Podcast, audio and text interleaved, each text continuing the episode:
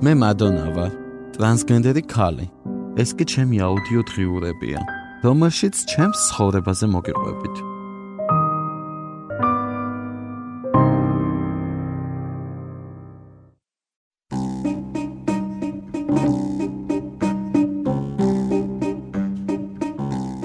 არასდროს ყოფილა კარგი ბავშვი.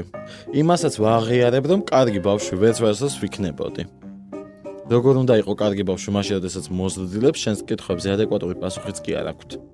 ჩვენთან მე ამბოხე ბავშვი არავის მოსწონს, ხალხისთვის ზედმეტად გაუგებარია თუ რატომ უნდა იყოს 7 წლის ბავშვი ისეთი მე ამბოხე, რომ დაწესებულ ნორმებზე კითხვები გაუჩნდეს. ვერავინ მიტანდა, რადგან მე ამ წესებს ვარ ღვევდი. მაგალითად, მეორე კლასში მასწავლებელს ვკითხე, რატომ გვაიძულებდა ყოველ დილით დაამდგარიყავით სახით აღმოსავლეთის მიმართულებით და მამაუჩვენო გვეთქვა სამჯერ.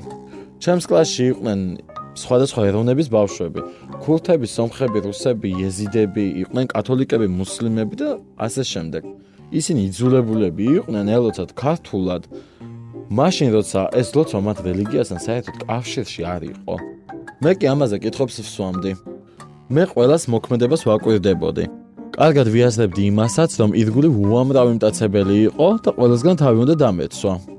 უნდა მებრძოლა ჩემი თავისთვის, რომ ხალხს, ოჯახს, სკოლას, მასებს არ გავეცრუებინე ისე, როგორც სხვა ბავშვები.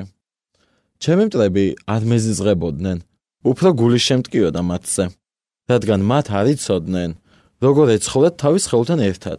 ისინი ბრმები იყვნენ, ვერ ხედავდნენ ცხოვრებას წესების მიღმა. ვერ ხედავდნენ რა იყო ცხოვრება იდეოლოგიების და ამკერპების გარეშე. ბავშვობაში მე არასდროს მყოლია მეგობრები.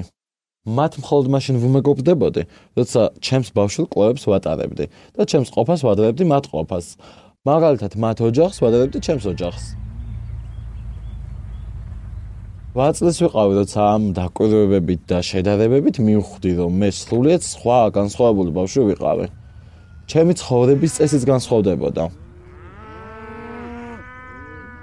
სკოლაში ზაუბანშიც ერთადერთი ბავშვი ვიყავი, ვინც ძროხებს, ქათმებს, კურდღლებს და ძაღლებს უვლიდა. არა მხოლოდ ვუვლიდი, ჩემს ძროხებთან ერთად მეძინა კიდეც. ბოსალში ცხოველებთან ბევრად მეტი სიყვარული და ჰარმონია იყო. ვიდრე გარეთ ადამიანებთან.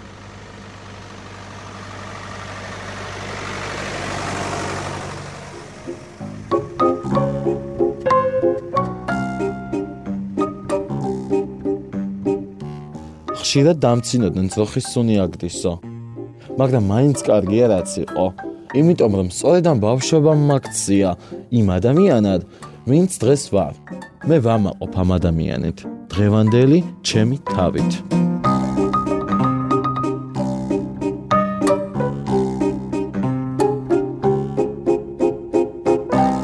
შემდეგ დღიურში მე დედას მივმართავ.